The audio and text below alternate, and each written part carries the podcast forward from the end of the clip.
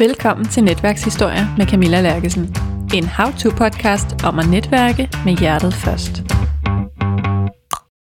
Den her episode den bliver lidt anderledes, end du er vant til, fordi vi dykker faktisk ikke ned i en bestemt netværkshistorie eller en bestemt netværksrelation. Vi kommer til at dykke ned i et emne, som vi tidligere har haft oppe sammen med Ibraun, og vi skal tale om det her med at møde nye mennesker, og øh, hvordan vi gør det, hvorfor det er så svært, og hvad det er for nogle rammer, vi med fordel kunne sætte op, for at gøre det nemmere for os selv og hinanden at mødes og falde i snak, og på den måde også få bedre gavn af hinanden. I den her episode, der skal du møde Ibraun, som du måske allerede har mødt i afsnit 24 af Netværkshistorier. Og så skal du møde Janet Laumann, som du måske har mødt i afsnit 31 over i min anden podcast, Bevidst Introvert. Da Janet hun hørte afsnittet med Ibraun, der skrev hun efterfølgende inde på LinkedIn, at hun synes det var mega spændende. Og hun lavede et podcast afsnit om det i sin egen podcast, som jeg også kan anbefale dig lige at gå ind og lytte til. Men jeg kunne ikke lade være med at tænke, da jeg så synergien mellem de to på LinkedIn, at det kunne være en spændende samtale at dykke endnu mere ned i. Ikke mindst fordi Ibrauns afsnit er et af de allermest lyttede afsnit i hele netværkshistoriers historie. Så jeg håber, at du vil lytte med, når vi nørder ned i det her med at falde i snak og møde nye mennesker. Og så skal du høre, hvordan Janets oldemor passer ind i det hele, og hvorfor hun spiller så stor en rolle i den her samtale det, der betagede dig? Jamen, det var jo, jeg kan ikke engang huske det, det var bare sådan, jeg kan lige Ip, inden jeg overhovedet har mødt ham.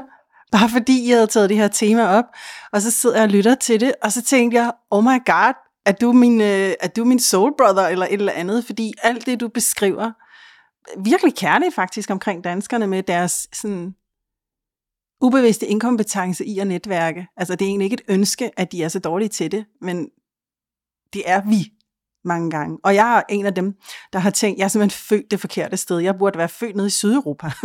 Fordi jeg passer ikke øh, ind i det der, vi skal sidde her og hygge en lille bitte gruppe.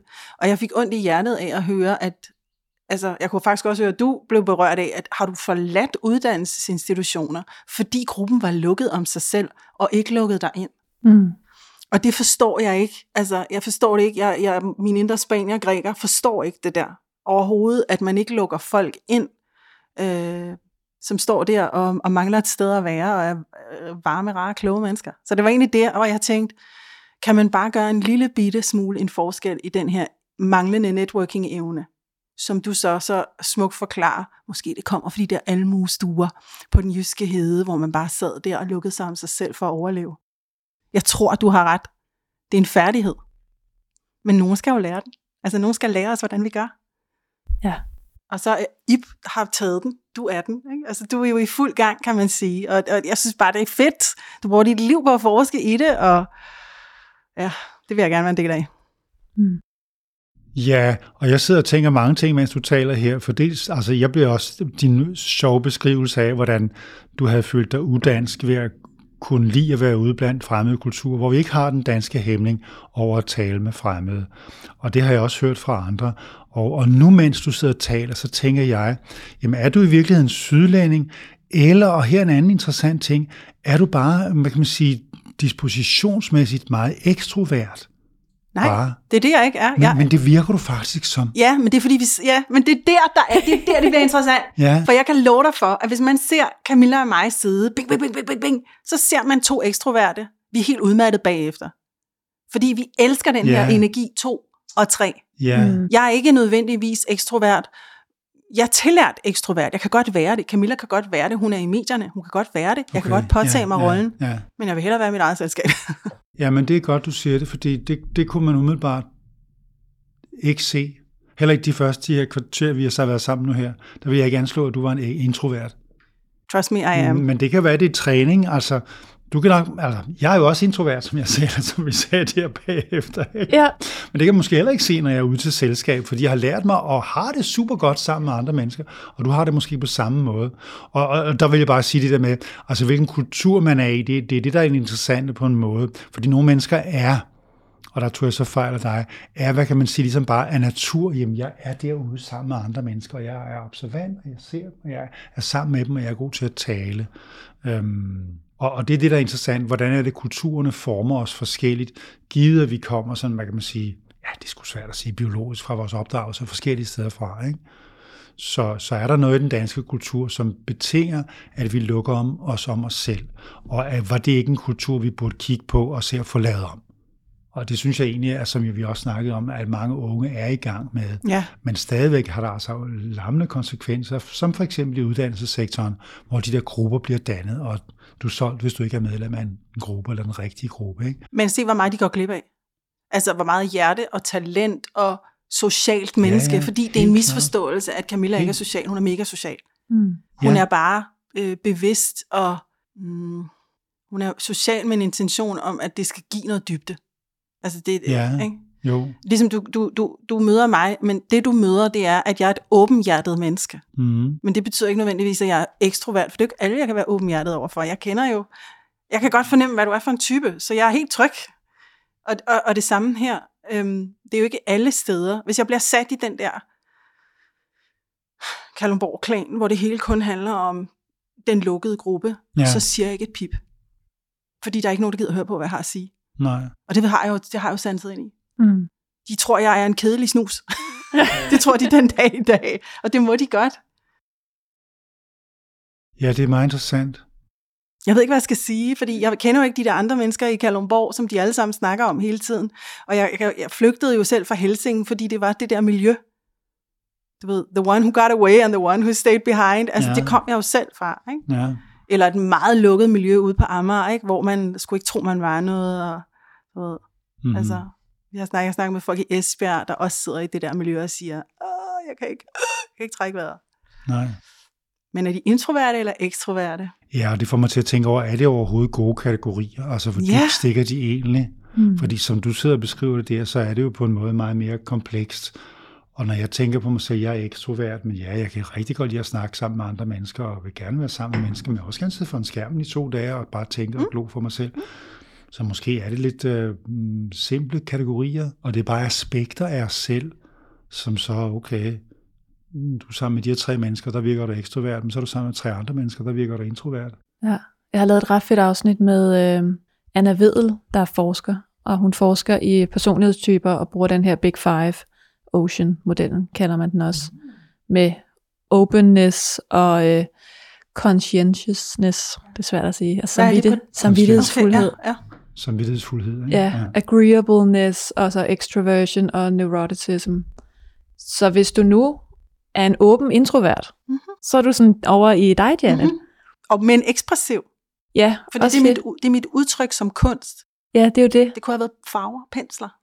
Det kunne have været musik. Mit er ord. Ja. Fordi der er, sådan, der, er noget, der er noget medicin i ord, på en eller anden måde. Men er du nu en introvert, der ligger højt på neuroticisme ja. og bekymrethed, ja. så vil du ligne den der fordom, vi har om introverte, ja. ikke? at det er dem, der sidder nede i hjørnet og er bange for verden. Mm. Ja, ja, det er fordi, det er den kombi, de har. Ikke? Og så er de måske lav på åbenhed, og, øh, og enormt samvittighedsfulde, og derfor er de ikke udskejende, fordi de ligger i den kombi. Så der er jo de der fem faktorer, fem faktormodellen, som nu, altså nuancerer det her helt vildt godt. Vanvittigt meget. Det er så jo hvis en du, åbning af det. Ja, præcis. Så hvis du nu øh, ikke er samvittighedsfuld og introvert, og høj på åbenhed og lav på neuroticisme, så vil du være mere udskejende end den anden type introvert. Udskejende eller ekspressiv? Ja, hvad man nu skal kalde det, ja. ikke? Men, men i hvert fald der, hvor folk begynder at undre, er du virkelig introvert? Ja, og som du siger, hvad man nu skal kalde det, så er de her Big Five, det er jo også bare fem kategorier, man har ligesom fundet ud af, og så har man forsket lidt i det, og så har man banket dem fast, og så siger man, jamen det kan vi beskrive mennesker, men der findes jo en million af sådan nogle mm, persontypologier med egenskaber, og det kan man jo virkelig far vild i, han har sagt, og der er jo ikke nogen af dem, der er sande som sådan, tror jeg, de fanger bare forskellige aspekter også som mennesker, ikke? Mm. Ja. Og, og man kan sige, hvad gør vi ved det, der ikke fungerer godt? Det er på en måde det, vi snakker om, er det ikke altså? Jo. Mm, hvis vi ser noget i dansk kultur, der holder folk lige lovligt meget tilbage, og der er faktisk et potentiale også i os danskere for at komme ud og møde omverdenen og opdage de fremmede og, og vokse sådan kulturelt og i hovedet. Ikke? Mm, hvad, hvad er det så, der holder os tilbage, og hvordan er det, vi kan komme nye og spændende steder hen? Ja, præcis.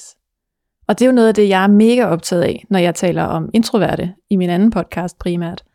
Det er det her spænd imellem, hvor meget skal jeg lave om på, og hvor meget skal jeg stå ved, hvem jeg er.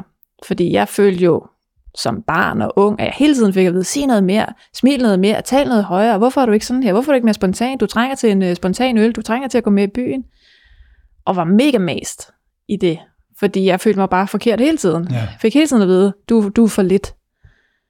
Og så øh, gik jeg lidt i den anden grøft, ikke? og fandt ud af, at der er noget, der hedder introvert, og så stod jeg meget hårdt på min ret til at lade være at gøre ting. Og bare sige, hvis ikke jeg har lyst, så behøver jeg ikke.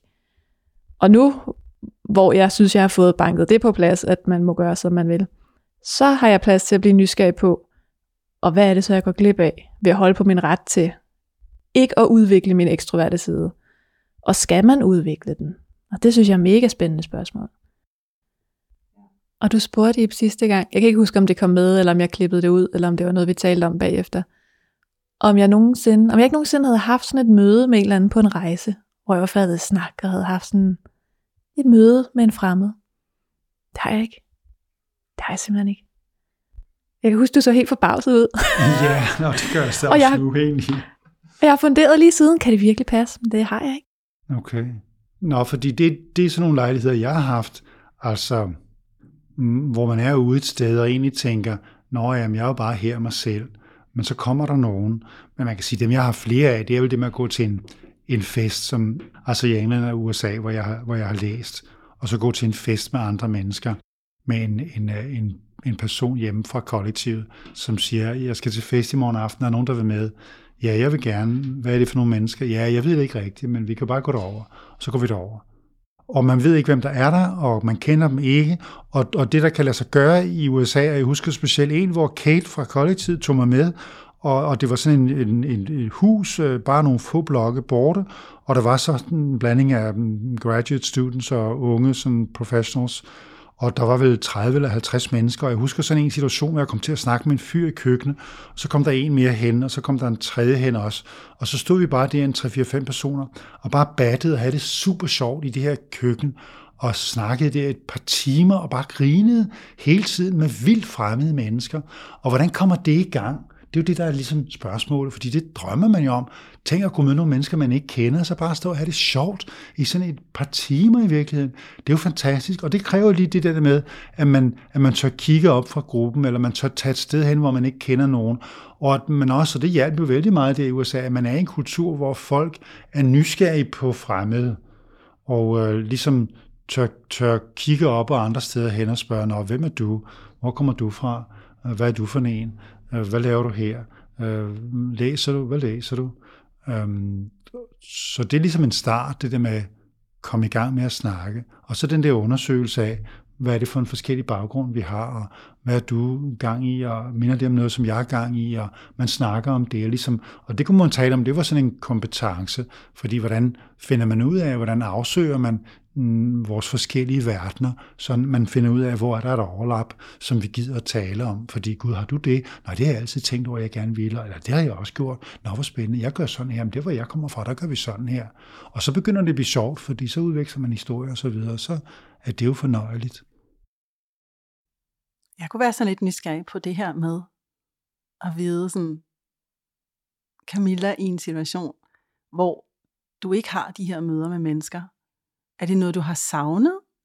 Eller er det først noget, der dukker op, fordi at vi siger, og så kan man jo møde folk, sådan et, et, et det her magiske møde med et menneske, hvor man bare står og har det vildt sjovt. Mm. Jeg tror, jeg har stået og kigget på det udefra, ikke? især som ung, og til de her fester, hvor jeg synes, det var svært, for eksempel på gymnasiet, at komme ind i samtalen og ind i fællesskabet. Så jeg har været vildt misundelig på mine ofte ret ekstroverte veninder, på at de kunne det der.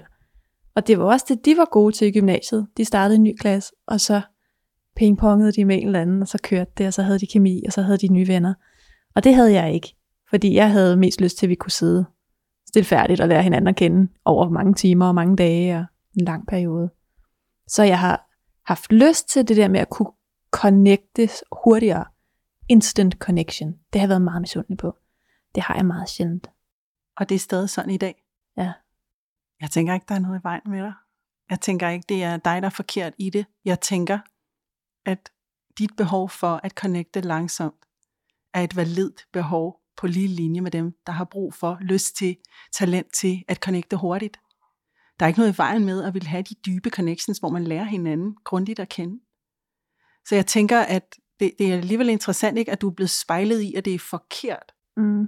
Fordi jeg har aldrig opfattet dig som genert, eller en, der ikke vil connecte, eller, altså, jeg, jeg ser det slet ikke. Jeg ser den her super sociale, imødekommende, positive, åbne, mega intelligente kvinde, som jeg har lyst til at være sammen med. Så jeg, jeg, kan, jeg kan slet ikke forstå, at det kan være svært for dig med det væsen, du har. Virkelig, det kan jeg ikke. Åh, oh, men det er det. Og det, er jo derfor, vi, og det er derfor, vi skal have den her samtale, fordi jeg tænker, man må jo gerne stå og jagtage. Og så må man jo gerne et eller andet sted også være sårbar i det og sige, oh, det er svært for mig det her, jeg vil gerne ind, hvordan kommer jeg ind? Jeg skal lige tænke lidt over det, Camilla, det kan være, du skal klippe det her ud, fordi jeg er også en, der jagter. Og jeg har ikke noget problem med at vente, altså som ung til, at folk ligesom tog fat i mig, fordi der var bare visse samtaler, som jeg ikke havde ord for, da jeg var yngre, som jeg ikke gad at deltage i. Og er der så noget i vejen med mig, eller er der noget i vejen med samtalen? Kan du følge mig? Mm. Så måske er du forud for din tid. Altså du har, du har virkelig haft, tænker jeg, måske nogle menneskelige egenskaber, som hende unge slash teenage, måske i 20'erne, Camilla, synes var sådan lidt, det forstår jeg ikke. Hvorfor sker det her? Jeg har været en gammel kone hele mit liv. Ja. det har jeg. Ikke? Men, men det betyder ikke, at altså, det betyder for eksempel heller ikke, at du er nødvendigvis er introvert. Det betyder bare, der er grupper, hvor du passer naturligt ind, hvor det er flydende og let og ubesværet at være i. Så er der grupper, hvor det ikke er let og ubesværet at være i. Så skal du tilpasse dig de grupper? Måske. Måske skal du flytte dig et andet sted hen. Det var det, jeg blev så fascineret af, at jeg tog den her podcast op med. Er du i de rigtige netværk? Er du i de rigtige grupper? Er du i grupper, der nærer dig? Hvor du kan nære dem? Fordi man kan jo godt sanse og mærke forskellen på at være i nærende grupper, og så være i konstruerede grupper. Jeg synes rigtig meget i vores samfund, det er konstrueret. Ligesom det var i gamle dage, ikke? så kommer Oldemor Tyre på banen, ikke? hvor der var de der hardcore etiketter for, hvordan vi omgikkes hinanden, og goddag fru et eller andet, og goddag her et eller andet. Ikke? Men det lever jo og eksisterer vel stadigvæk i vores grupper, at her der er vi i en netværkssammenhæng, her er vi i en studiesammenhæng, her forventes vi at drikke os i hegnet, og ligesom øh, agitate hinanden op i, at vi skal bare have nogle flere øller, eller vi skal lige gøre et eller andet, for vi kan slappe mere af. Måske er du en af dem, jeg, jeg, jeg gætter bare, der aldrig har haft brug for alle de der stimuli for at slappe af. Ja. og så har du bare følt dig mega forkert, fordi du ikke gad at deltage i noget, som måske i virkeligheden bare ikke er nærende og sundt. Ja. Og endnu før vi er i de der grupper, der skal vi jo netop connecte. Mm-hmm. Og det er også det, jeg er lidt nysgerrig på, fordi din reaktion på vores samtale, min, det var jo, at du også savnede det her med at kunne connecte, og var sådan en, der falder i snak ved bussen og sådan noget, ved busstopstedet med folk. Så, så hvordan er du til at, at være åben og falde i snak og, og have de her samtaler? Jamen altså, det jeg også skrev øh, til både Ibe og dig, der, jeg er en af dem, der er så heldig, at jeg er vokset op med tre mødre. Min mor, min mormor og min oldemor. Fordi min mor var sådan en meget ung mor, så hun havde øh, god støtte hjemmefra. Og øh, min oldemor, hun tog os med ind til København ude fra Formosevej ude øh, på Amager, bus nummer 5. øhm, og fra jeg var helt lille, så tog hun mig og min bror i hånden og viste os ganske almindelig etikette bare i bussen. Sådan helt hverdagslagpraktisk med Hvordan øh, hilser vi på hinanden i bussen? Øh, hvordan opfører man sig over for ældre damer, eller ældre mænd, eller gravide kvinder, eller hvad det nu kunne være? Og hun var meget direkte i sin instruktion af det. Og jeg indlæser sådan et program, som ganske lille, der hedder At i agtag den gamle dame, brede sig ud i et stort lysende smil, når jeg siger, undskyld, fru, vil de ikke have min plads? Eller hvad det var, hun lærte mig der i senere 70'erne. Ikke? Og det var jo sådan ret interessant, fordi så begyndte min bror og jeg jo sådan at teste lidt af den der dannelsesetikette, eller hvad pokker det var, hun ligesom havde givet mig. Og jeg ved ikke, om det netop var, fordi hun kom derovre fra Herning og var ude på landet, og nu var hun flyttet ind til byen, og så kunne man godt være lidt fin, selvom det var ude på Amager. Så jeg har jo egentlig bare sanset ind i andre mennesker. Hvad gør det, når jeg har den her approach?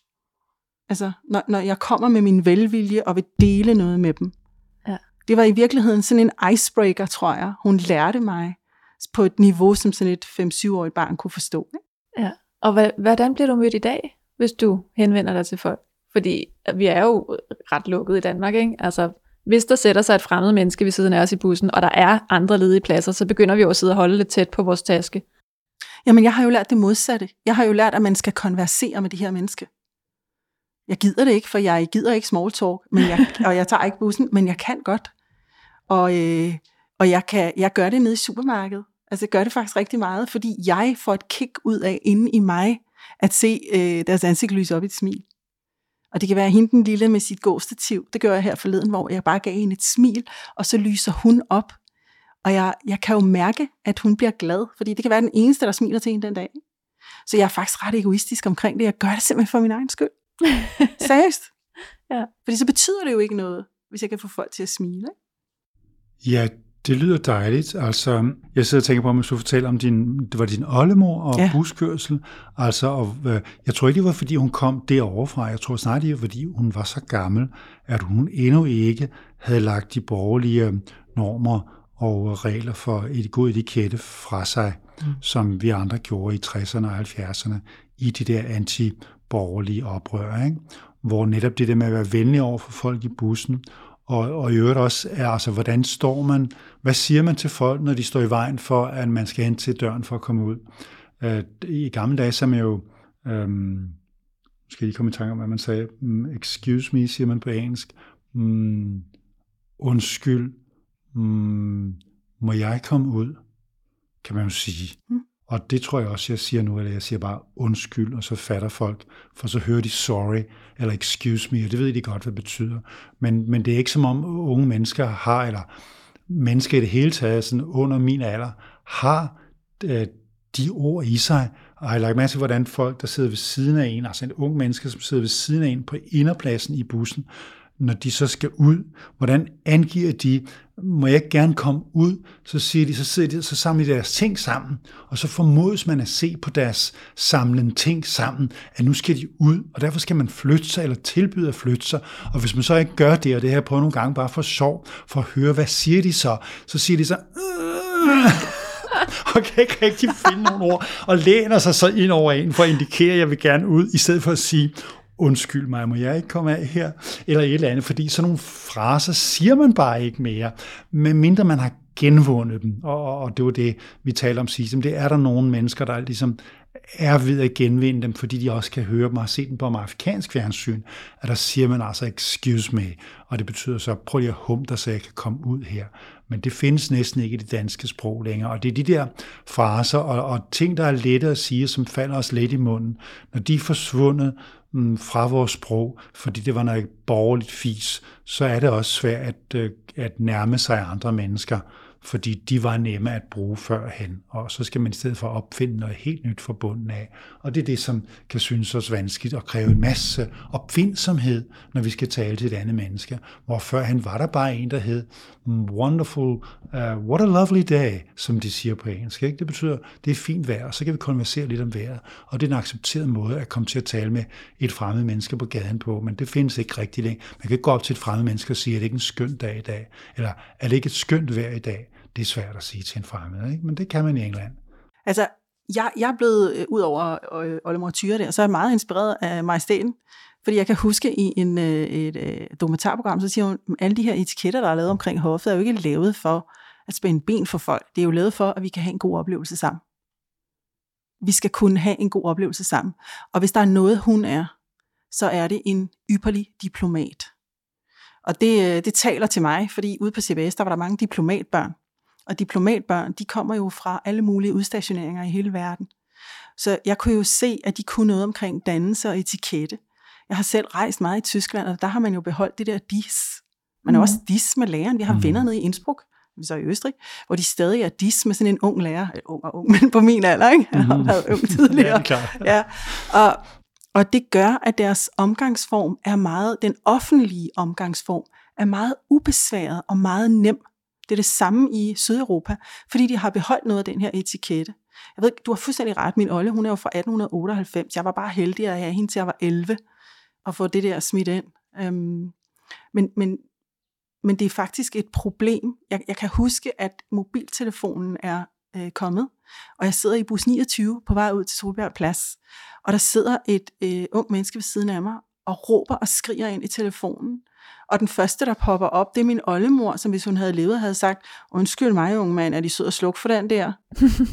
det, må, det er en samtale, må de altså tage uden for bussen. Det forstyrrer jo hele bussen. Så ville hun have talt. Mm. Men den der myndighed, som en ældre kvinde, der har overlevet en influenzaepidemi og været, måtte spise rådne jordbær, fordi hun var så fattig ude ved Lundemøllemark, og øh, mistede sin lillebror, og mistede sit ene... Altså, no more bullshit. Hun gider det slet ikke.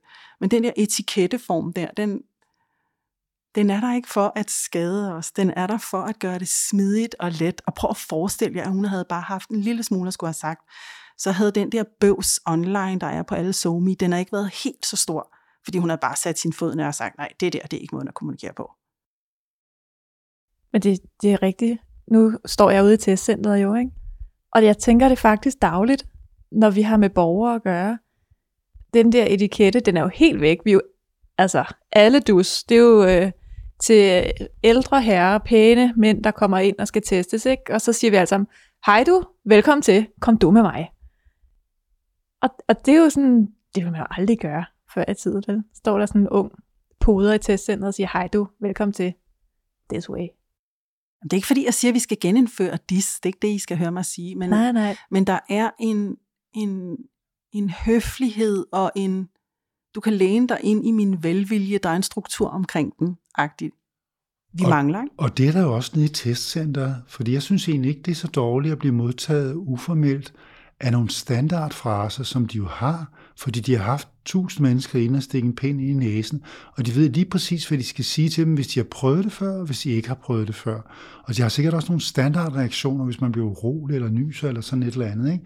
Øh, og det er jo på en måde meget godt, at der er en struktur, mm-hmm. og jeg tænker, det er, den, det er den, vi måske mangler, og som etiketten førhen gav os, det var en struktur, som siger, hvis vi skal tale med hinanden, så siger vi de her ting. Hvis vi skal ud forbi hinanden i bussen, så siger vi de her ting. Hvis der er nogen, der ikke opfører sig øh, på en passende måde i bussen, så har vi de her ting at sige til dem. Øh, og de er jo faldet bort, og dem skal vi tit genopfinde, og det er svært at finde på nye ting på stående fod, når man lige står i en situation, hvor en person er kommet ind i ens space, og man skal sige et eller andet venligt der i netto, når man står i køen der. Hvad gør man så, fordi man ikke har nogen fraser at gribe til? Og fraser er, er jo virkelig blevet lagt for had, og det ligger jo også i selve ordet frase. Det er en kliché, det er noget, der sådan ikke er godt at bruge og jeg ved ikke, hvad etymologien egentlig er, men på engelsk hedder phrases, det betyder bare sætninger. Så vi mangler sætninger, vi bare kan gribe til og sige, og det er jo også det, man taler om. Hvad skal jeg sige, når jeg går til reception?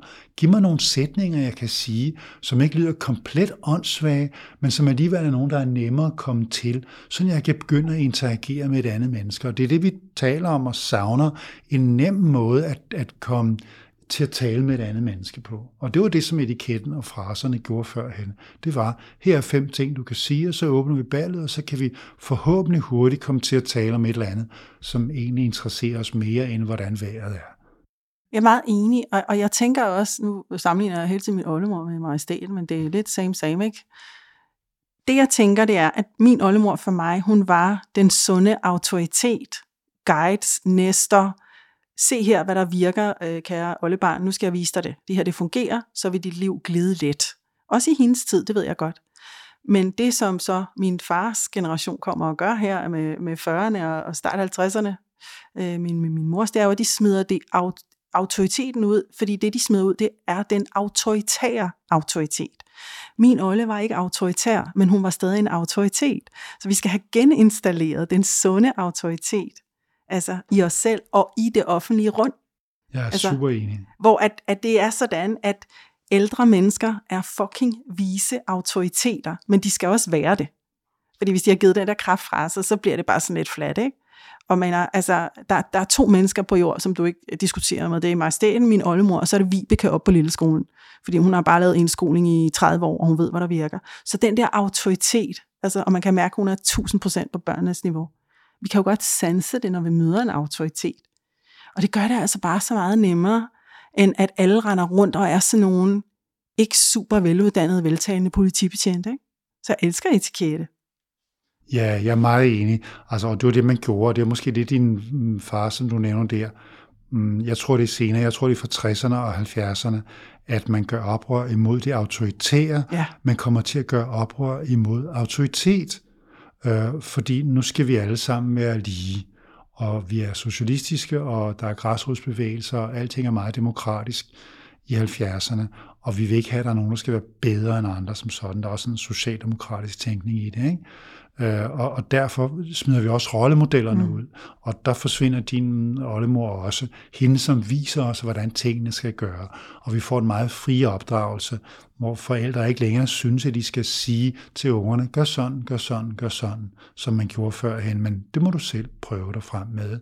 Og så får vi rigtig meget famlen efter, hvad må det rigtige er hvor vi står nu også med mange ting og skal opfinde ting, og ikke har nogen struktur eller nogle normer eller nogle vaner at overtage, fordi vi var så hippet, for hippet på dengang at smide de undertrykkende og de øh, øh, diktatoriske mm-hmm. og de autoritære former ud, så reelle formerne ud. Hvem er det, der har skrevet en bog, der hed øh, bringe os formerne tilbage. Og, og det er jo ønsket om at få de dynamiske og fleksible og velstrukturerende former tilbage, så vi ikke er i det åbne kaos, hvor der ingen former er, fordi vi var så interesseret i at smide de undertrykkende former ud dengang. Og det er det, vi taler om, hvordan generomer vi de gode og de lette og de fleksible former og strukturer, som sætter os i stand til at komme i kontakt med andre mennesker. Ja. Så det ikke er noget problem overhovedet. Mm-hmm. Hvordan gør vi det? Ja, Hvordan gør vi det? altså, jeg tænker, at du og jeg i hvert fald må påtage os øh, et arbejde her, fordi min, jeg føler, at min Olle, hun lever i mig og udtrykker sig i mig og siger, du ved jo godt, hvad du skal gøre, Janet, og så må du snakke om det i podcast, og så må du bygge det ind i den måde, du selv er i verden på. Og jeg instruerer mine børn rigtig, rigtig meget. Altså, jeg er en instruktør. Det er jeg vidderlig. Jeg er ikke bare sådan en find selv ud af det. Ej, nej. Og, øh, og det har jeg da fra hende, fordi jeg lige nåede at få det med. For ellers havde jeg ikke været det. Nej. Men, men, men du ved, der er sådan et, jeg kan kun sige det på engelsk, men det er sådan noget reclaiming ancestral knowledge. Og det kommer jo også fra de her øh, oprindelige folkesag, altså indigenous people, at der er så meget brugbar visdom fra de ældre, som vi har kylet ud.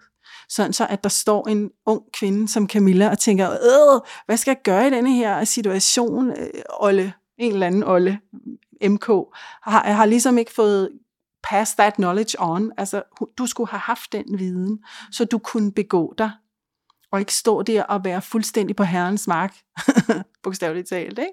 ude ved Herning, men, men have værktøjer til det. Og, og det kan vi jo, det findes jo. Altså, der findes jo de her værktøjer, så vi ved jo godt, hvad vi skal gøre. Ja, og det er også derfor, jeg tænkte, at vi må lave det her afsnit, så vi kan tale om, hvordan gør vi det så faktisk? Fordi Teach me. det, begynder, det begynder at minde om det der afsnit fra um, Life of Brian, hvor uh, socialisterne taler om, nu må vi have action, yes, I second that motion. Kan jeg huske det? Men vi er jo super borgerlige i alvis vores yeah. etikette, så det er sådan en hybrid af det bedste af socialisterne og det bedste af det borgerlige. Kan I ikke høre det? Jeg tænker, at vi er på et nyt niveau, altså, fordi vi, kan, vi skal jo ikke have de gamle tider tilbage med dis og former og hold kæft, hvad er nye borgerlige. Nej, det er ikke det, vi skal. Vi skal have jeg tænker, vi skal have øh, en, en påskyndelse af den sunde autoritet parret med en accept af, at man er sårbar.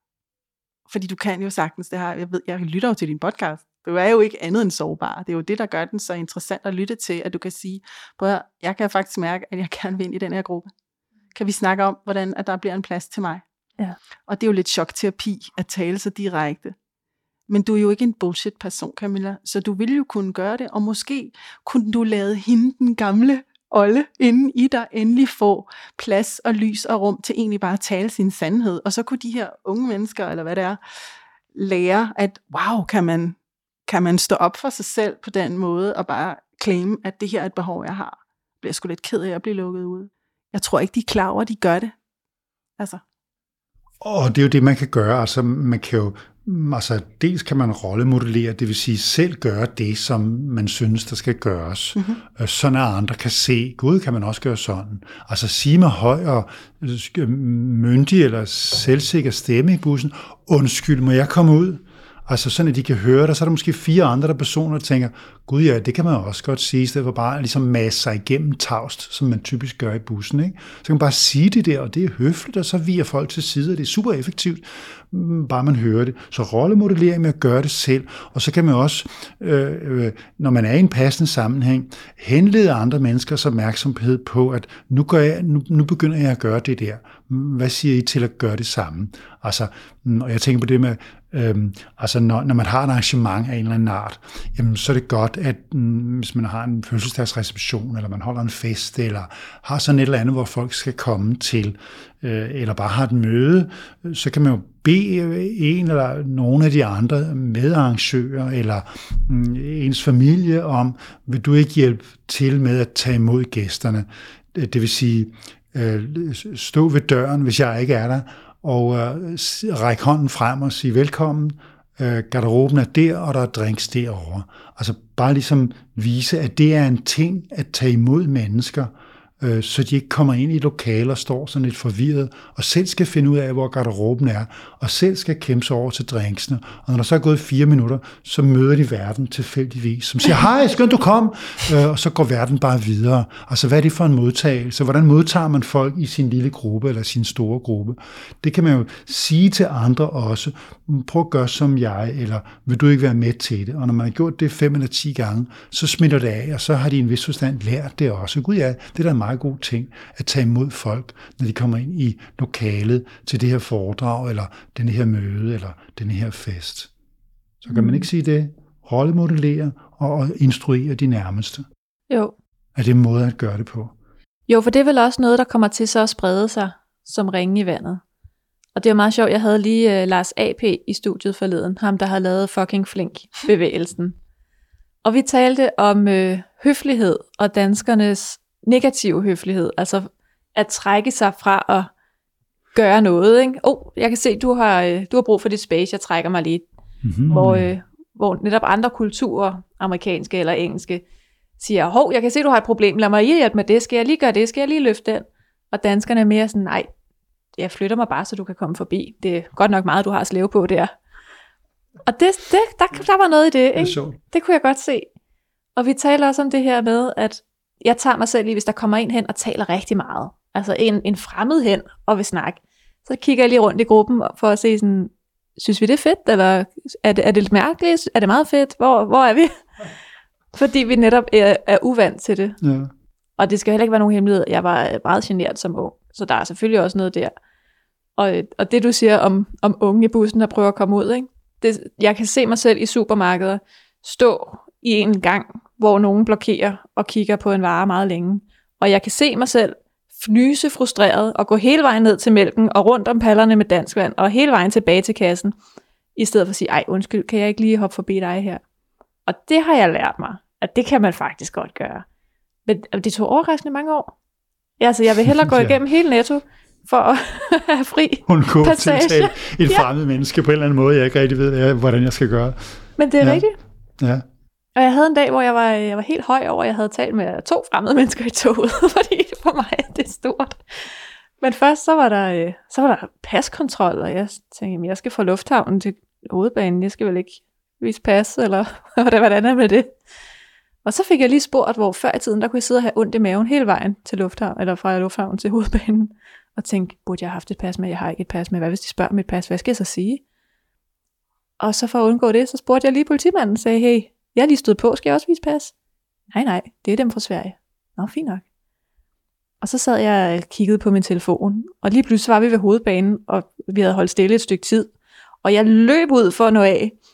Og så i stedet for bare, jeg var lige ved at løbe ind i den stakkels DSB-mand i døren, og i stedet for bare at vælte ud, så sagde jeg, ej, det er simpelthen så ked af, at jeg sad lige og sov. Og det var faktisk rart lige at få forklaret, hvad det var, der foregik. Og også sagt undskyld, at jeg gør dit arbejde mere besværligt. Det var mig, der, der sov i timen her. Og sådan noget kunne jeg godt tænke mig at dyrke lidt. Og for mig er det jo stort, og for jer er det jo sikkert ingenting. Men, men jeg ved, jeg har, jeg har rygdækning, for jeg har undervist tilstrækkeligt mange introverte til Ja, at vide, ja. at det her det er, det er et reelt problem. Vi er mange, der går den store omvej i supermarkedet. Ja, og jeg, jeg sidder og tænker på, at du bare mangler hende med den store, store blomstrede kjole, der, der bulrede afsted og viste dig vejen. For så havde du bare jagttaget og tænkt, okay, det virker det der. Der kommer store smil, ikke?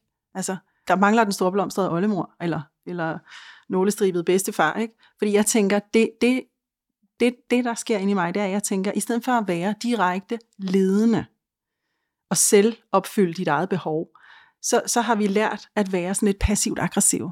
Ja. Og det er da så nasty en attitude, når man går i andre lande, som bare beder om det, de gerne vil have. Og det, der er i dansk, det er, at vi mangler jo ordet por favor, please Ja. og bitte. Ikke? Vi, Jo. vi har det ikke, så vi er direkte på den der lidt plumpe måde, hvis ikke vi direkte er sådan nogle lidt indebrændte trolde. Men det kunne vi jo godt sige for 50 eller 80 år siden. Ja, de fandtes da. Selvom vi ikke havde please og bitte og s'il vous plaît. Mm, så man kunne sige, vær venlig, eller må Ja. jeg gerne, eller undskyld Ja. mig, og sådan nogle Ja. ting. Det kan man godt sige. Mm, men det er sjovt, den der nazi er mangel på høflighed. Må jeg komme med et andet tekst, som måske kan øh, illustrere det der med høflighed? Altså, hvor vi jo har en, høflighed i Danmark, men øhm, altså, et, øhm, en, en velkendt situation. Mm, man, man står og snakker med nogen, eller der sagt omvendt, jeg kommer ind i et selskab, og så er der sådan 10-14 mennesker, og så går jeg sådan rundt og hilser lige på dem. Og de står sådan og snakker sammen lidt parvis. Og så går jeg hen til det første par og siger, hej, jeg hedder Ib, jeg er en bror til Malis, som holder festen her, og så siger de dag og dag, og så bliver de ligesom stående lidt for ligesom, nå okay, der var der nogen, jeg kunne snakke med her, men de står også sådan bare lidt og sådan er lidt tavse og kigger lidt på mig og ignorerer mig måske lidt, og samtalen vil ikke rigtig køre, og så begynder de at genoptage deres oprindelige samtale. Og jeg tænker, wow, okay, mm, og så trækker jeg bare videre. Og det gentager sig så 4, 5, 6 gange, hvor jeg bryder ind i en samtale, og de ikke optager mig i samtalen, fordi hvordan i alverden gør man det? Så jeg må glide videre, og på 10 minutter har jeg så været hele gruppen kredsen rundt, de der 4, 5, 6 par, der står og taler sammen, og er ikke blevet en del af nogen af de der samtaler. Og, og jeg har tænkt meget på, at det er jo søde mennesker, det ved jeg, og det finder mm. jeg ud af nogle timer senere. De er alle sammen rigtig søde mm-hmm. mennesker, og alligevel bliver jeg ikke inkluderet i deres samtale. Og jeg har tænkt mig frem til, hvad er det en, der gør sig gældende her? Og jeg tror, det handler om, at når sådan en tredje person trænger sig på en samtale, så vil de to, der står og taler sammen om et eller andet, som de møjsommeligt har fundet ud af, øh, de har til fælles måske, eller er måske de gamle venner, der står og snakker sammen, så kan de ikke tillade sig, en af dem kan ikke tillade sig at droppe den samtale og starte en ny med mig og inkludere mig, for det vil være uhøfligt over for den anden. Ligesom det er en vis forstand er uhøfligt af mig, at jeg trænger mig på hos dem og afbryder deres samtale. Fordi jeg tror i Danmark med den her gruppetænkning, vi har, der har vi en opfattelse af at høflighed. Det er noget, man viser over for den gruppe, man allerede har gang i. Hvis man, hvis man øh, dropper den, og, og siger til den anden, okay, jeg gider ikke, det var uvigtigt, det vi stod og talte om her, nu må vi opfinde et eller andet helt nyt med den tredje person, der kommer her. Så, så høflighed i Danmark, tror jeg, hvis det gælder generelt her, er noget, man viser over for dem, man allerede kender. Så dem, man ikke kender, dem kommer man til at være uhøflig overfor. Og det er jo en mærkelig situation, fordi i andre kulturer, skulle man mene, var høfligt noget, man var over for de fremmede. Fordi vennerne, dem har man jo, dem kan man godt sådan ligesom behandle sådan lidt, altså fordi de er der jo bare, men høflighed, det viser man udad.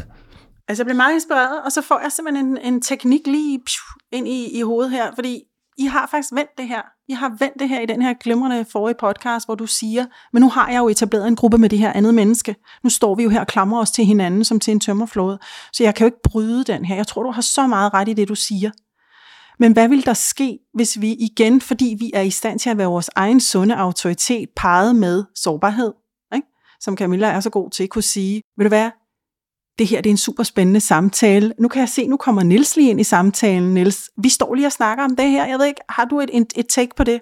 Andet er det Præcis, jo ikke. nej, det er jo så præcis. enkelt som det. Præcis. At man ligesom øh, anerkender måske sin egen, fordi øh, ja, man anerkender sin egen lille minigruppe, som Camilla snakker om, men nu står vi her og dulmer vores angst, hvis det er det, der er til stede. Du er ikke sikker, at folk de ved det, vel, Camilla, det du snakker om.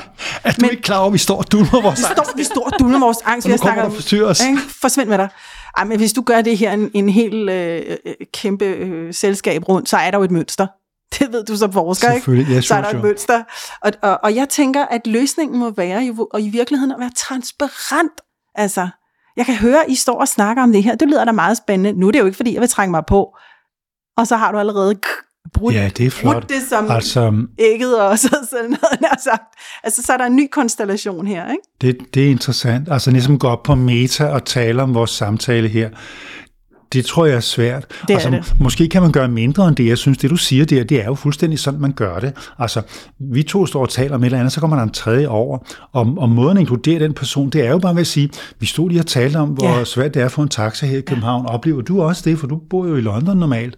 Øh, jamen, så har vi den kørende. Altså, øhm, og det kræver blot, at jeg tror bare, man gør det, fordi sværere er det ikke. Det vil, den, det vil den anden ikke. Øh, man skal bare lige have tanken, at der er noget, der hedder, der er en institution, der hedder vi taler om noget, og så kommer der en ny person. Hvad gør man? Jamen, man breder bare emnet ud, så der er plads til den anden også.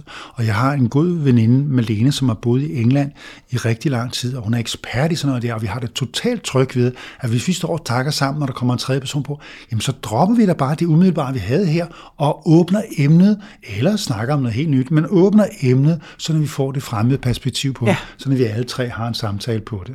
Og det har jeg prøvet til middagsselskaber, og det er samtidig svært. Jeg sidder og snakker til den ene side, så opdager jeg, at personen på den anden side ikke har nogen at tale med. Så trækker man lidt tilbage og forsøger inkludere den ellers tavse person i den samtale, vi har her. Men i det, jeg gør det, tror den person, jeg først havde samtale med, at nu dropper jeg vedkommende og vender sig så og kigger til den anden side, fordi det er så uvandt det der med, at vi faktisk godt tre personer kan have en samtale, i stedet for at vi bare har de der små to-personers grupper.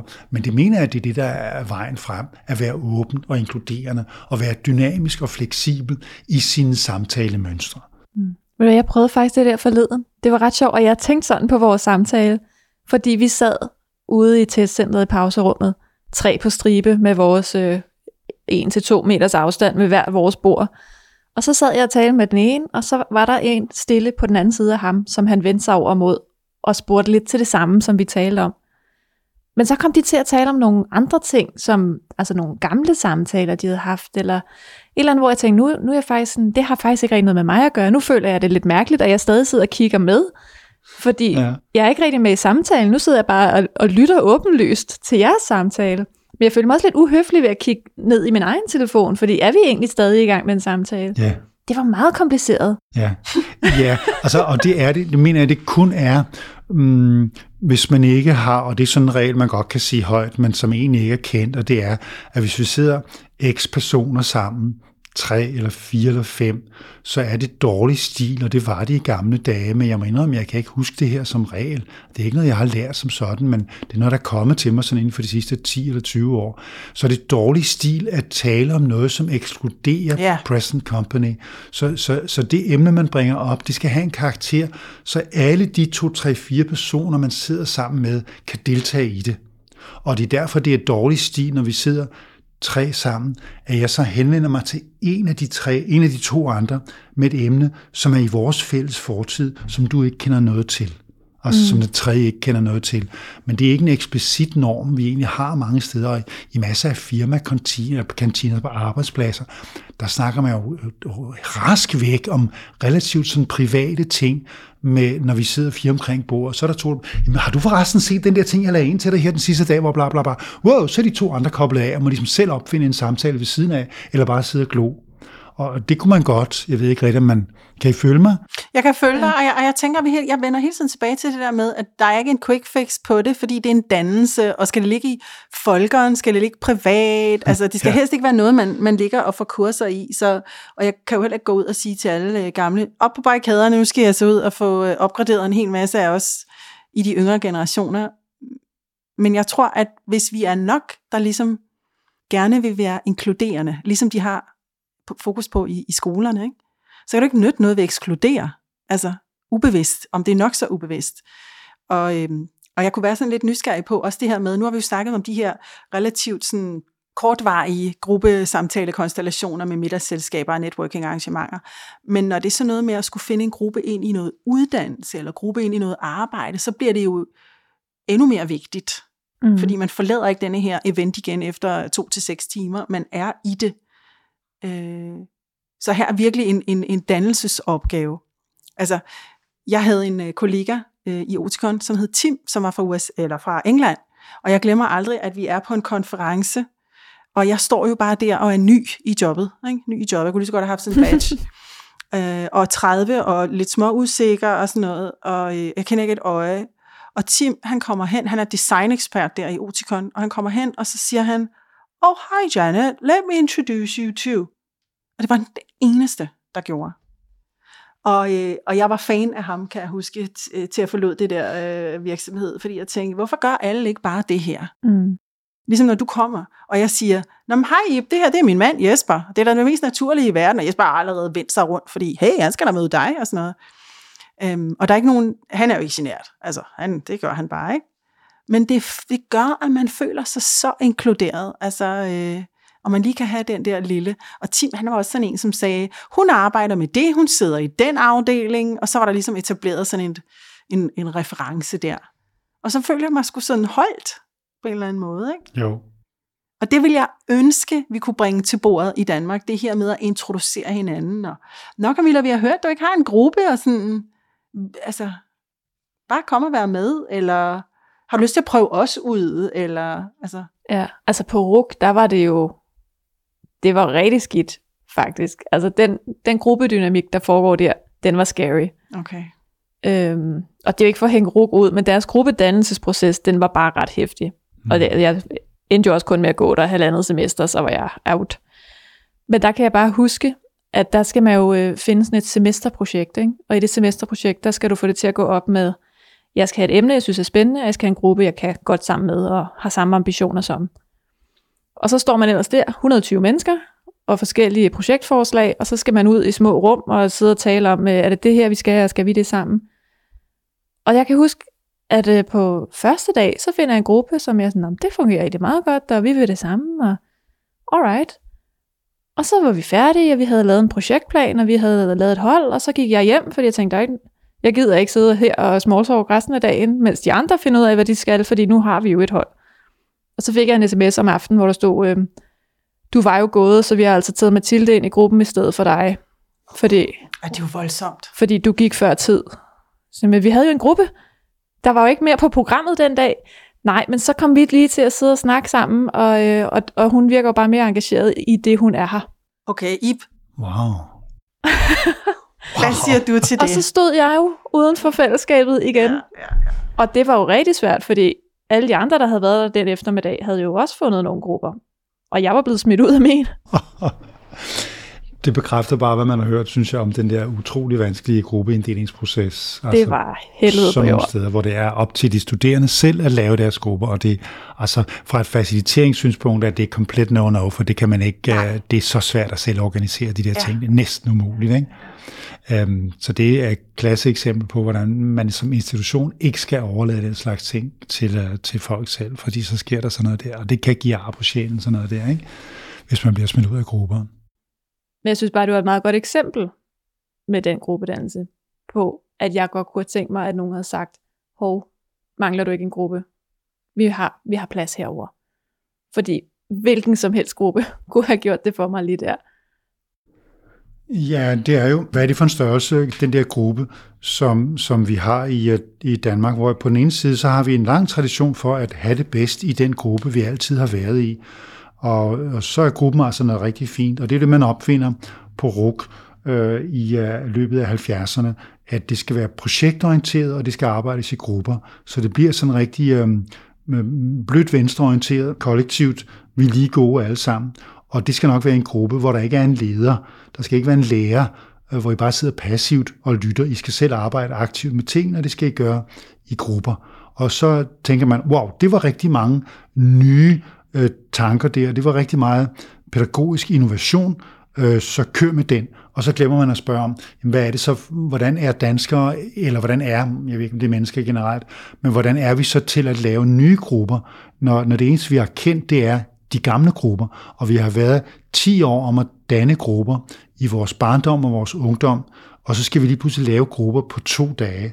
Og, og det kan føre til nogle mm, fantastiske altså dysfunktioner, øh, fordi at, at folk bliver grove over for hinanden på helt øh, ubegribelige måder, øh, som, som du har oplevet der, øh, som, øh, hvor man godt kunne sige, burde vi ikke have noget mere kompetence omkring gruppedannelse? Fordi det, hvor grupper er gode at have, der skal lave teams i arbejdslivet og også i, i undervisningen eller uddannelsen, fint, men så lad os finde på en begavet måde at gøre det på, og det mener jeg nu også, at man er kommet frem til senere hen, hvor man har tænkt over, hvordan skal vi nænsomt facilitere en gruppedannelsesproces, og det kan gøres bedre, end det du fortæller om der, som altså kom ud af det blå for 50 år siden, og egentlig ikke er blevet specielt meget mm, perfektioneret ja. i de sammenhænge.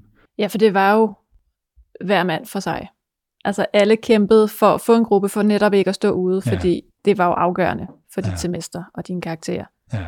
Så, så der var ikke så meget øh, empati og medmenneskelighed der, fordi alle var jo også bange for at stå udenfor.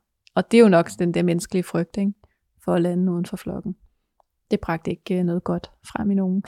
Det er også sjovt, at, at, øh, at vi har dømt lederskabet lige derude. Altså, Øh, som helt ung, der, øh, der var jeg så heldig, at jeg øh, fik øh, jeg var på rejselederskole på Mallorca. Og så efterfølgende, så kørte jeg fire gange til Nordkap, og så har jeg også været rejseleder på Samos. Og at øh, stå med sådan en bus fuld med mennesker, der skal fra øh, lufthavnen og ud på diverse hoteller, og ikke have styr på sit shit, og ikke have fokus og retning og tryghed i bussen, det er en garanti for fiasko, fordi så har du 50-80 utrygge mennesker, der øh, brokker sig og er øh, ja, bare svære at styre. Og her vil man jo aldrig ikke sætte en eller anden form for lederskab ind, øh, fordi det grundlæggende er utrygt, når vi er et nyt sted. Altså jeg, jeg lærte virkelig meget af det omkring sådan noget med gruppedannelse og facilitering, og hvordan du styrer. Øh, jeg kørte med østtyske pensionister, ikke? det var jo små glade børn, fordi ja, nu skulle de endelig se hele verden der i start 90'erne. Men samme øh, problematik på Samos egentlig. Samme problematik på studiet. Samme problematik på arbejdspladser. Altså vi kan ikke, vi kan ikke undvære den gode ledelsesautoritet. Øh, nu kommer vi til at snakke om det her med facilitering alligevel, men jeg, jeg kan, vi er jo også meget passionerede omkring det. Ikke? Men man kan jo være sin egen lille facilitator i grupper. Ja, for jeg tænker også, er der måske noget med tryghed i det her med at vise åbenhed? Er det, kan vi gøre et eller andet for at skabe en tryghed, der gør, at vi er mere åbne? Men, men det vil jeg mene, altså, og nu vi taler om det, altså, som du siger også, Janet, altså det der med øh, øh, struktur, fordi der skal jo struktur til, før vi bliver trygge, mm-hmm. og når der så bliver for meget struktur, så kommer det til at virke undertrykkende, og det var den, vi gjorde oprør imod i 70'erne, og kom så til at smide den, den tryghedsskabende struktur ud med badevandet, og nu må I selv klare og, og selv danne en gruppe, som I bedst kan der på RUK, i sådan en kaos der, det er jo vanvittigt utrygt, mm-hmm. fordi der ikke er nogen struktur, fordi der ikke er nogen rejseleder, leder, som siger, ja. nu går vi den vej, yes. og så går vi til venstre, og så går vi til højre bagefter, og så kommer vi hjem igen. Fedt. Øhm, det vil vi gerne have. Den optimale struktur, det er det, alle mennesker gerne vil have. Og det er jo det, der er den vanskelige hvad man sige, ledelses- eller koordineringsopgave, eller jeg vil kalde det en faciliteringsopgave. Hvordan lægger man den der struktur og eksekverer den undervejs, når folk falder ved siden af, på en tilpas venlig og diplomatisk og omsorgsfuld og inkluderende måde, som både giver oplevelsen af venlighed og glæde, og også oplevelsen af fasthed og retning, og vi skal noget, og der skal vi nok komme hen. Ikke? Det, det er den store udfordring, og der synes jeg nok, at man i mange ting, der er levn fra 70'erne, ser for meget kaos. Altså det er der i meget af vores mødekultur også i dag. Ikke? Vi sidder i tre timer, 12 mand, og diskuterer alting i øst og i vest, med mindre der er en facilitator, som hjælper os med at komme igennem emnerne og få taget de beslutninger og komme videre til det næste. Fordi spontant, der er det bare rigtig svært for mange mennesker at organisere noget som helst der er meget gerne må være en, som træder frem og siger, skal jeg ikke være øh, spilleder her, eller skal jeg ikke være den, som siger nu og nu og nu, når vi skal skifte stationer og sådan ting. Ikke? Så. Og det kunne man måske godt på en eller anden måde introducere. Altså vi er jo lidt tilbage også ved de der rammer og strukturer i forhold til de normer, vi har smidt ud. Fordi hvad er så vores struktur nu? Hvem er det, der faciliterer mødet mellem fremmede mennesker? Er det verden, der har ansvar for til festen eller til konferencen og sige, gå du herover og gå du herover, så kan I lige starte med det her, og her er et samtalekort. Eller er det også andre, der skal lære at gribe stafetten og sige, der er ikke lige nogen struktur her, så nu starter jeg og siger, lad os lige snakke, og kom du lige med her. Hvordan gør vi det? Kan vi gøre et eller andet for at så småt introducere åbenhed blandt os? Jeg tror, det er en blanding. Fordi det vil jo være let at sige, ja, det er verdens ansvar, men verden er måske også i en læreproces, ikke? Som du siger, det kræver et enormt overskud i at være facilitator. Øhm, jeg kan komme med et eksempel på, hvordan vi har valgt at gøre det hjemme hos mig, altså øh, bare i mit lille hus, det her med, at hvis, øh, hvis samtalen bliver for svær, hvis jeg kan se, at folk begynder at lukke sig om sig selv i samtalen, af gammel vane sikkert, så har jeg besluttet med min mand, og så introducerer vi spil. Fordi så er vi sikre på, at folk kommer til at grine og lave noget øh, fællesskabsagtigt, jo, som også inkluderer børn og, og voksne. Og så prøver vi at undersøge lidt, jamen, hvor meget vil de så være med til at lege, og hvilke type lege fungerer og sådan noget. Fordi altså, der skal også være overskud til en facilitatorrolle. Så jeg tænker, spil, spil kan være et godt sted at starte. Og det kan jo også være, at du har noget erfaring med spil i nogle lidt større sådan, gruppekonstellationer i. Ja, det har jeg, altså, hvor jeg dog sjældent kalder det spil, men, men blot det, at, at, at man gør det, som et spil gør, og det er jo at lægge en struktur op med nogle faser og nogle trin, man skal igennem, og nogle roller og et kendt mål, og i spil skal man som regel konkurrere en lille smule, mm. og derfor er det vigtigt, at det er spil, som, som lancerer en form for, eller har en slags form for glad eller respektfuld konkurrence, så man ikke skal nakke den anden for at komme, for at komme i mål. Ikke? Og det er jo en kæmpe kunst at lave spil, som er øh, sociale og glade og inkluderende. Ikke? Mm, I mange af de sammenhænge, hvor jeg faciliterer og har forsket i facilitering, det er sådan lidt konferencer og møder og øh, seminarer og den slags ting, og der er, det er ikke sådan lige et sted for at lave spil, men der skal alligevel introduceres nogle strukturer af og til, hvor vi gør det her nu, og så gør vi det her bagefter, og så gør vi noget andet til sidst, og så synes folk, det var et par glimrende timer, som har været varieret, hvor vi har lavet forskellige ting. Vi har ikke bare siddet ned og hørt for eksempel 12 oplæg af 20 minutter fra formiddag til eftermiddag. Det er dødssygt, når der ikke sker andet end det. Mm. Men der har været noget, hvor vi har mødt nogle andre mennesker. Vi har været sammen i en lille gruppe med to andre. Vi har været sammen i en større gruppe med seks andre. Det var mm. en halv time, og så har det været 20 minutter med det her.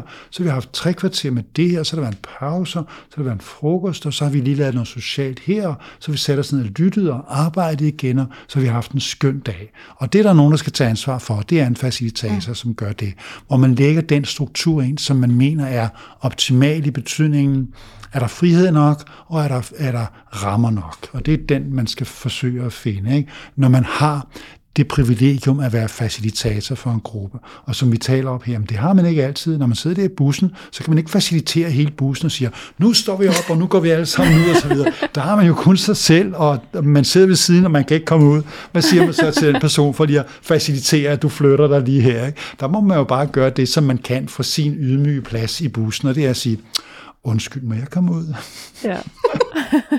Eller hvad man nu i øvrigt er stand til. Og der plejer jeg at sige sådan, hvis man har facilitator, overskuddet eller brillen på, den der hedder, okay, der er en social situation her, og der er nogle strukturer, der er nogle folk, der gerne vil noget, det kan jeg godt agere i. Og det er for eksempel, hvis man går til en reception, der kan man jo godt have facilitator overskud, sådan skruet lidt professionelt på, hvor det, hvor det dels handler om, at jeg skal rundt og snakke med nogle mennesker og have det fint, men man kan jo også hjælpe andre til at have det godt. Og der er den der, du nævnte før, Janet, med at, med at præsentere, Janet, undskyld, med, der er den, du nævnte før, Janet, med at præsentere folk for hinanden, jo en fin, fin ting, som, som englænder og amerikanere, og måske også andre kulturer jo gør som mm, med venstre hånd. Men, men, men det der med at sige, Hi Jane, this is Joe. Joe, this is Jane. Øh, det er jo en, altså en, en, en, en interaktion af umådelig kompleksitet for danskere, og det kan vi slet ikke finde ud af at sige det der. Vel? Altså, og det gør englene jo så nothing, ikke? Altså, vi kan simpelthen ikke, og det med at præsentere nogen for nogle andre, det er så svært, og det er lige gået der, som var en gensidig præsentation, ikke? som man jo gør på engelsk. Man siger, Joan, this is Jan. Jan, this is Joan. Øhm, det gør vi aldrig på dansk, og, og det er fordi, men vi har enorme forestillinger om, at det skal være så så kompliceret og interessant, når vi gør det. Men vi kan jo bare sige, hej Nikolaj, kender du Bettina?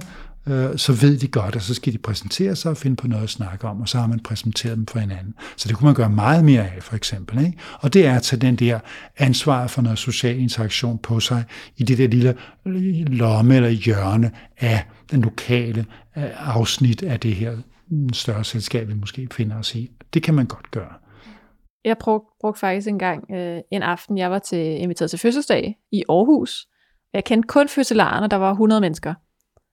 Og der måtte jeg jo så øh, bruge den her sårbarhed, du også har refereret til, fordi de var faktisk rigtig søde til at introducere mig, lige da jeg kom og få placeret mig, og her skal du hænge din jakke, og værsgo, her er en gruppe, du lige kan tale med, og I kan finde på noget. Men jeg skulle jo gøre det mange gange i løbet af den aften. Mm. Og jeg havde jo ikke nogen, der kunne holde mig i hånden hele tiden, og sige, nå, nu står hun lige alene igen, hun kender ikke nogen, kom du med mig. Så jeg måtte jo simpelthen, hver eneste gang jeg flyttede mig, sige, jeg er kommet alene til fest, jeg kender kun fødselaren, han har travlt. Må jeg sidde her hos jer? Fordi jeg ved simpelthen ikke lige, hvor jeg skal gøre mig selv. du brugte ikke de ord, vel? Jo, nogle af den. Gjorde noget du det? den, Wow, okay. Fordi, Godt. og, de var simpelthen, og det gjorde også, at folk var ekstra søde, ikke? Fordi, Okay. Altså for det første var de alle sammen sådan, hold da op, det er alligevel øh, hæftigt at tage alene til en fest, hvor der er 100 mennesker, og så spørger de jo, hvad laver du så? Jamen, jeg holder foredrag om at være introvert. Og så sad de og så helt paffet ud, men er du selv det? Ja, ja. Jamen, hvordan i alverden har du så båret dig med at komme til den her fest? Ja. Og så var de ekstra, ekstra søde, fordi de kunne godt se, du får nok brug for en vinge. men, men folk var rigtig søde til at tage mig under vingerne, og det var nok, fordi jeg sagde, ja, jeg har simpelthen brug for, at nogen gør det. ja. Altså, jeg bliver også nødt til at sige noget til dig, Camilla, fordi jeg, jeg, jeg ser jo i dig en person, som, fordi du er så åben omkring, hvad, hvad det er, du synes er svært, bliver en master-netværker. Fordi det, man tillader sig selv, det tillader man jo alle andre. Så når du går ind et sted og tillader dig selv at være introvert, og føle dig kikset og kajtet, og tillader dig selv at have brug for en vinge, og siger højt, hvordan og hvorledes tingene er, så ser jeg en mesternetværker, men på et helt andet niveau. Altså, hvor, hvor du i virkeligheden går hen og bliver rollemodel. Altså, du, er- du er sådan en baglæns rollemodel. En baglæns rollemodel. Det Jo, men godt hele din podcast, hvor du udforsker det her område, altså, jeg tænker, Iben er, han er enig med mig her, fordi det er da så super sympatisk, at, at i tale sætte noget, som måske nogen i gruppen står selv og føler. Mm. Altså, det, det kan man også gøre. Det kan, den måde kan man også netværke på. Og så behøver du ikke at give køb på dig selv, når du gør det på den måde. Fordi du er bare sådan her, og det er der også plads til. Jeg Ja. tænker, at du skal claim din titel som master networker. Det kan godt være, du ikke kan lide det altid, men jeg, jeg tænker, du er ved at udvikle et reelt talent. Tak. Jeg vil sige, det er meget modigt at, at sige og gøre den slags ting. Så det er fantastisk. Altså, det har også en, et rollemodelaspekt. Ja. Ja. Gud, tør man det? Kan man det? Og hvad sker der så? Ja, man bliver taget godt imod. Wow, Ja, det gør godt man. eksempel der, ikke? Ja. Så fantastisk. Ja, Og, og jeg er helt enig med dig, altså at gå til en fest med 100 mennesker, hvor man ikke kender nogen, det er krævende, altså i Danmark. Øhm, Anne Knudsen, øh, som jeg nævnte i den sidste udsendelse, som har skrevet den her bog, øhm, her går det godt, send flere penge. Hun siger også, at når man som dansker øh, skal med til et selskab, hvor man ikke kender nogen, kan man forberede sig på en lang og kedelig aften. Jamen, det kunne jeg godt Det er forestille jo mig. direkte. Og det er jo fordi, at er- man er vant til, at når man går til fest, så taler man med dem, man, man kender, og det gør vi danskere rigtig, rigtig godt. Mm. Men hvis man ikke kender nogen, så bliver det fandme svært, og så skal man kæmpe sig ind hver eneste gang, som Ja, du det siger der. man. Og tænk, hvis det havde været min oplevelse i USA, den der fest, jeg nævnte med Kate. Jeg har ikke oplevet i USA, at jeg skal kæmpe mig ind hver eneste gang. Jeg går hen et par gange, og så kender jeg tre personer der, og så har jeg snakket med to der, og så har jeg snakket med fire derovre. Så har jeg allerede mødt fantastisk mange mennesker, så går resten af aftenen af sig selv. Men det gør den ikke nødvendigvis i Danmark. Nej, nej. Det Nej. var forfra hver gang. Det får fra hver gang. Ja, det er hårdt. Men det er fantastisk, at du gør det, og dermed viser du jo også andre mennesker. Det kan man altså gøre, og det er måske det, man skal gøre, når man ikke kender nogen. Ja, så kan man stå og blomstre for sig selv og skride efter en halv time, hvad de fleste ville have gjort, eller man kan tage fat. plus at du viser, at det her er et håndværk, der kan læres. altså det vil se, du træner. På et tidspunkt, der ser jeg et opslag på LinkedIn, du ved, en eller andens kontakt, og det er hende, der har, øh, det andet Anne Lille, Lille restauranterne. Og tænker, at hun er spændende. Og hun inviterer ind til, at man kan komme øh, i forbindelse med en eller anden bog øh, launch hos nogle af hendes veninder, eller hvad ved jeg, og så kan man komme og spise middag. Der tog jeg ind til Vesterbro alene. Og det var en masse VIP's, der kom, og var skrækslagen. Vitterlig skrækslagen. Og, øh, og kommer ind, og ankommer hen og tager imod mig og siger, velkommen til. Og de andre ignorerer mig selvfølgelig. Og der står man ude ved den der bar, det var kun kvinder, ved den der bar, og jeg, og jeg følte mig så kikset og kajtet og, og småangst, fordi, jeg, det, hvad laver du her? Du har gatecrashet sådan en VIP-fest, hvad laver du, hvad laver du? Hej, Anne har sagt, du kan bare komme, og hendes søde veninde, jeg tror hun hed Christina, hun tog også imod mig. Og så betalte jeg det, jeg skulle for den der middag. Og så kommer vi ind, og så er der den der struktur i det, hvor vi skal lytte til Øh, en, der har skrevet en bog. Jeg tror faktisk, jeg er der et par gange. Øh, og så øh, henne i hjørnet, der sidder der en kvinde. Hun hedder så Sausan, Sausan Berg. Og hun er den eneste, hvor jeg får øjenkontakt. Og så, så siger hun, vinker hun mig hen. Og så ender jeg med at sidde der og snakke med hende. Og, øh, og det var stort set hende, og så sådan en vejrudsigts videnskabspige, jeg snakkede med den aften. Og for mig var det en personlig grænseoverskridelse at være taget til den der way out of my comfort zone, bare fordi jeg synes, Anne Lille virkede flink, og fordi det var spændende, og emnet ville jeg gerne være til. Og så finde ud af, at jeg kunne reelt godt connecte med nogen. Og jeg, og jeg har faktisk lige lavet et lille projekt sammen med Sausan, for jeg synes, hun havde fed energi, og hun er selv sådan en, om så må jeg jo møde nogle mennesker. Så altså, jeg synes, man skal gøre det. Ikke måske så tit, men man skal gøre det for at udfordre, udfordre sig selv til det. Øhm, fordi jeg har mødt mennesker derinde, der var meget udanske på den fede måde, i deres måde at tænke på, øh, og fik nogle connections, jeg aldrig ville have fået til den traditionelle øh, sammenkomst der. Øhm, og, og det lærer mig også noget om, at andre mennesker, de har det jo ligesom mig mm. og dig. Det er skide ubehageligt, og vi træner den muskel der. Præcis. Og, og det du nævner det er en god historie, altså det får mig også til at tænke på sådan et, altså et råd, jeg selv giver jer til, det er, jamen når man er sådan et sted der, så find nogen, der også er alene. Ja. Eller tag fat i en, der lige har trådt alene ind ad døren. Mm. For det er svært at bryde ind i samtaler, der kører allerede, specielt mellem danskere, som vi har snakket om her. Men altså, dem, der er alene, de er glade for en at tale med. Og skal de så noget andet, så går de fem eller ti minutter senere, og så gør det ikke noget, og så finder man en ny. Men, men svært er det heller ikke, og der er altid nogen, der er alene, og det, er jo, det kan være verdens familie for eksempel. De plejer altid at hænge sådan lidt for sig selv, for de, kender, de hænger ikke sammen med verdens venner og forretningsforbindelser. Det er sådan nogle ja. receptioner som ja. det der. Så det, det er helt oplagt altså at, at gøre det, at turde gøre det. En god idé. Ja. Jeg tænker sådan her for at runde af, kunne I så ikke, øh, nu snakkede vi lige om i pausen, at vi vil ikke være sådan belagerne, man skal ikke instruere folk i at være på en eller anden bestemt måde. Men hvis I nu lige fik carte blanche til at øh, instruere mig, jeg kommer her og siger, det der med at snakke med fremmede, det er svært, det er helt unaturligt. Kan I så lige øh, smide lidt visdom efter mig? Jeg tænker faktisk, øh, den visdom, jeg vil kunne give dig, som har virket bedst for mig, det har været, at jeg har haft en, en, en, øh, en intention om at gerne ville møde mennesker. Altså jeg har jeg har mærket ind i mig selv, jeg vil gerne møde nogen. Og så må man gerne være bange, og man må gerne komme til at overtænke det, og hvordan kan jeg nu gå hen og snakke med nogen, og åh oh, nej, jeg ved jo ikke, hvem de er, og sådan noget. Men man skal bare have intentionen. Fordi hvis man tænker, jeg står bare i jagtar, så kan det godt være, at man ikke har intentionen om rent faktisk at være åben for at møde de magiske mennesker. Mm. Altså jeg har hardcore forelsket mig i en sød, ung tysk mand i sen 80'erne nede i Spanien, i det der åbne, blide, bløde, lækre miljø, øh, som jeg aldrig ville have mødt i Danmark. Fordi på det tidspunkt var jeg jo sådan, jeg vil gerne møde nye mennesker. Og om man er 17, 27 eller 57, så er det jo den samme følelse, du har inde i kroppen af, jeg er åben for at møde nye. Så i hvert fald have intentionen med. Men det kommer an på, om du så er hende, der skal ind i gruppen, eller hende, du skal lukke nogen ind i gruppen. Mm. Hvad for en af dem er du? Hvis du nu står og har etableret din lille trygge gruppe med en fremmed person, er du så cool med, hvordan du lukker den næste ind? Der kommer hen og ser lidt søgende ud. Eller kommer du til at tænke, åh oh, nej, jeg ved ikke, hvem de er. Hvordan skal jeg få dem her ind i gruppen? Hvordan skal jeg åbne mig over for det? Nu har jeg jo allerede gang, gang i en gruppe. Ja, det kommer nok helt vildt meget an på konteksten og, ja. og, og mit, min dagsform. Ja. Jeg kan se mig selv gøre begge dele. Fordi jeg tænker, nogle gange kan det jo også være nok at bare sige, hej Tommy, hvad var det nu, du lavede? Kan du ikke lige komme herhen og introducere dig selv? Jeg kan ikke huske, hvad det var, du sagde, du lavede. Altså, man skal jo ikke have styr på tingene i virkeligheden, vel? Det er det der med at have intentionen om, at her er jeg, jeg er skrækslagen, jeg er uperfekt, jeg kommer til at overtænke, men jeg vil faktisk gerne med nogle nye mennesker.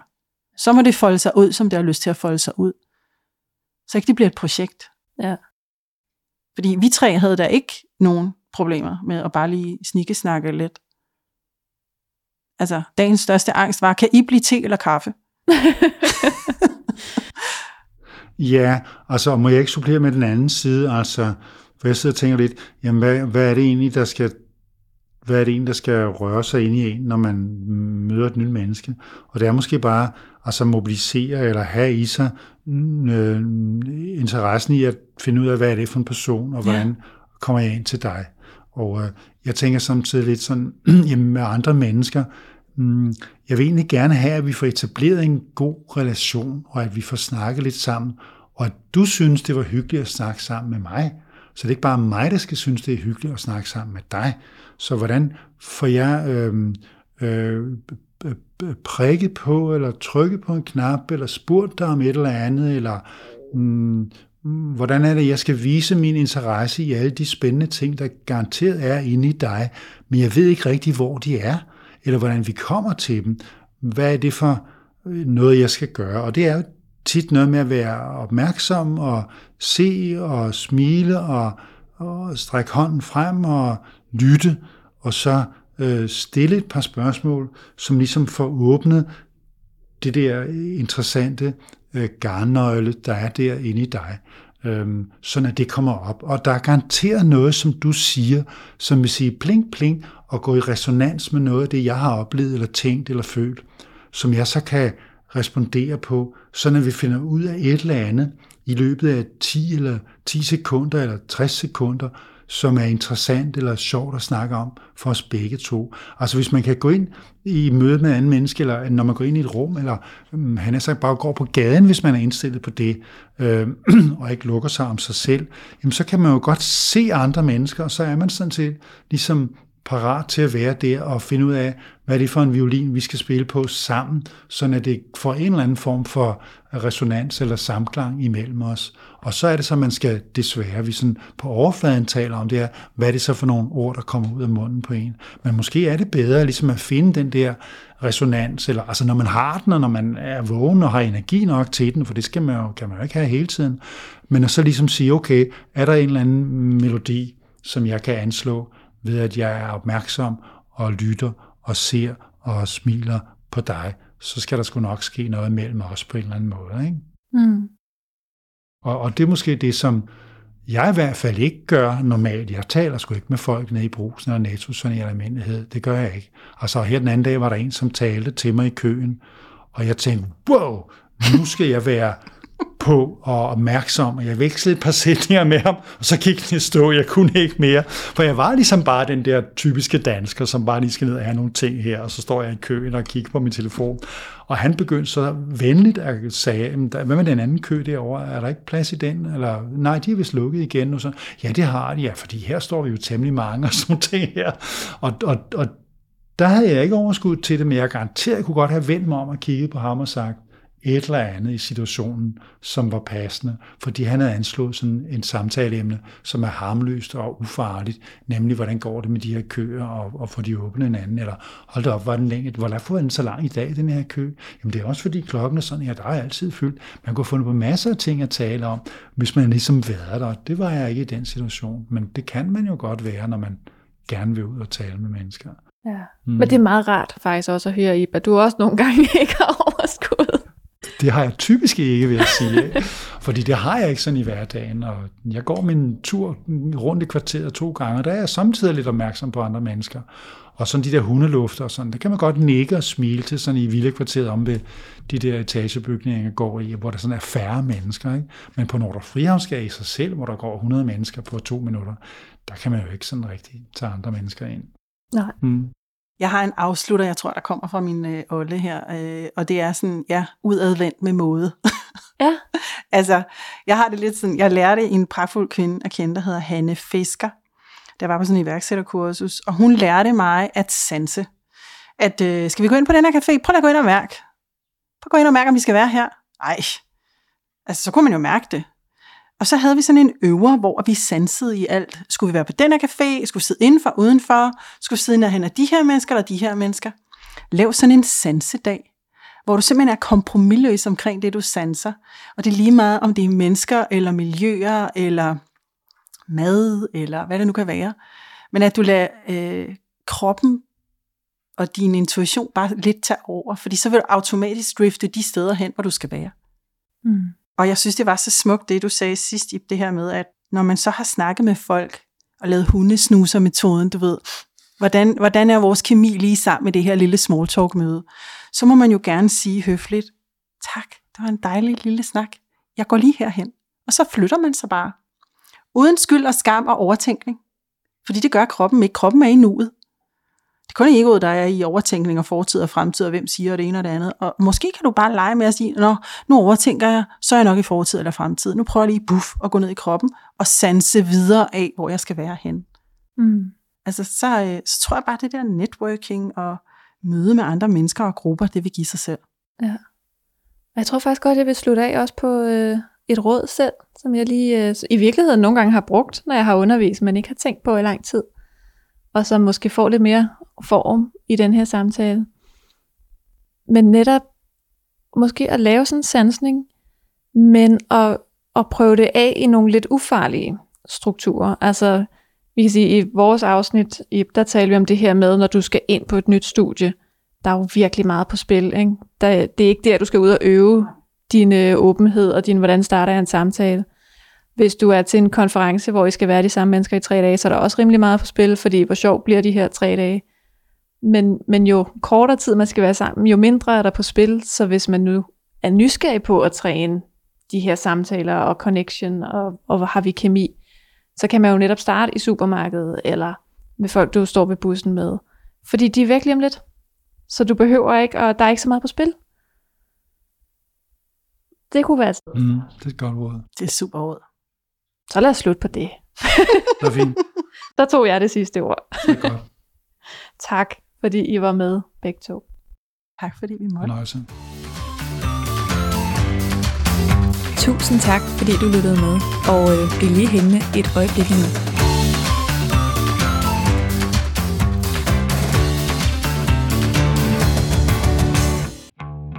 Her til slut, der kan jeg lige sige, at i juli måned, der holder jeg sommerferie. Så der kommer ikke nye interviews ind i netværkshistorier. Men det er også fordi, jeg arbejder på en ny podcast. En spin-off, kan man sige sammen med en tidligere gæst fra Netværkshistorier. Og vi skal lave vores egen podcast sammen om netværk, som udkommer på den anden side af sommerferien. Så vi får brug for lidt arbejdsro, og derfor så går Netværkshistorier på sommerferie. Hvis du ikke allerede har hørt alle afsnittene, så kan jeg kun anbefale dig at gå i gang med nogle af dem, du mangler. Og så er der jo altså to afsnit endnu, før jeg går på ferie. Så vi lyttes stadig ved i næste uge.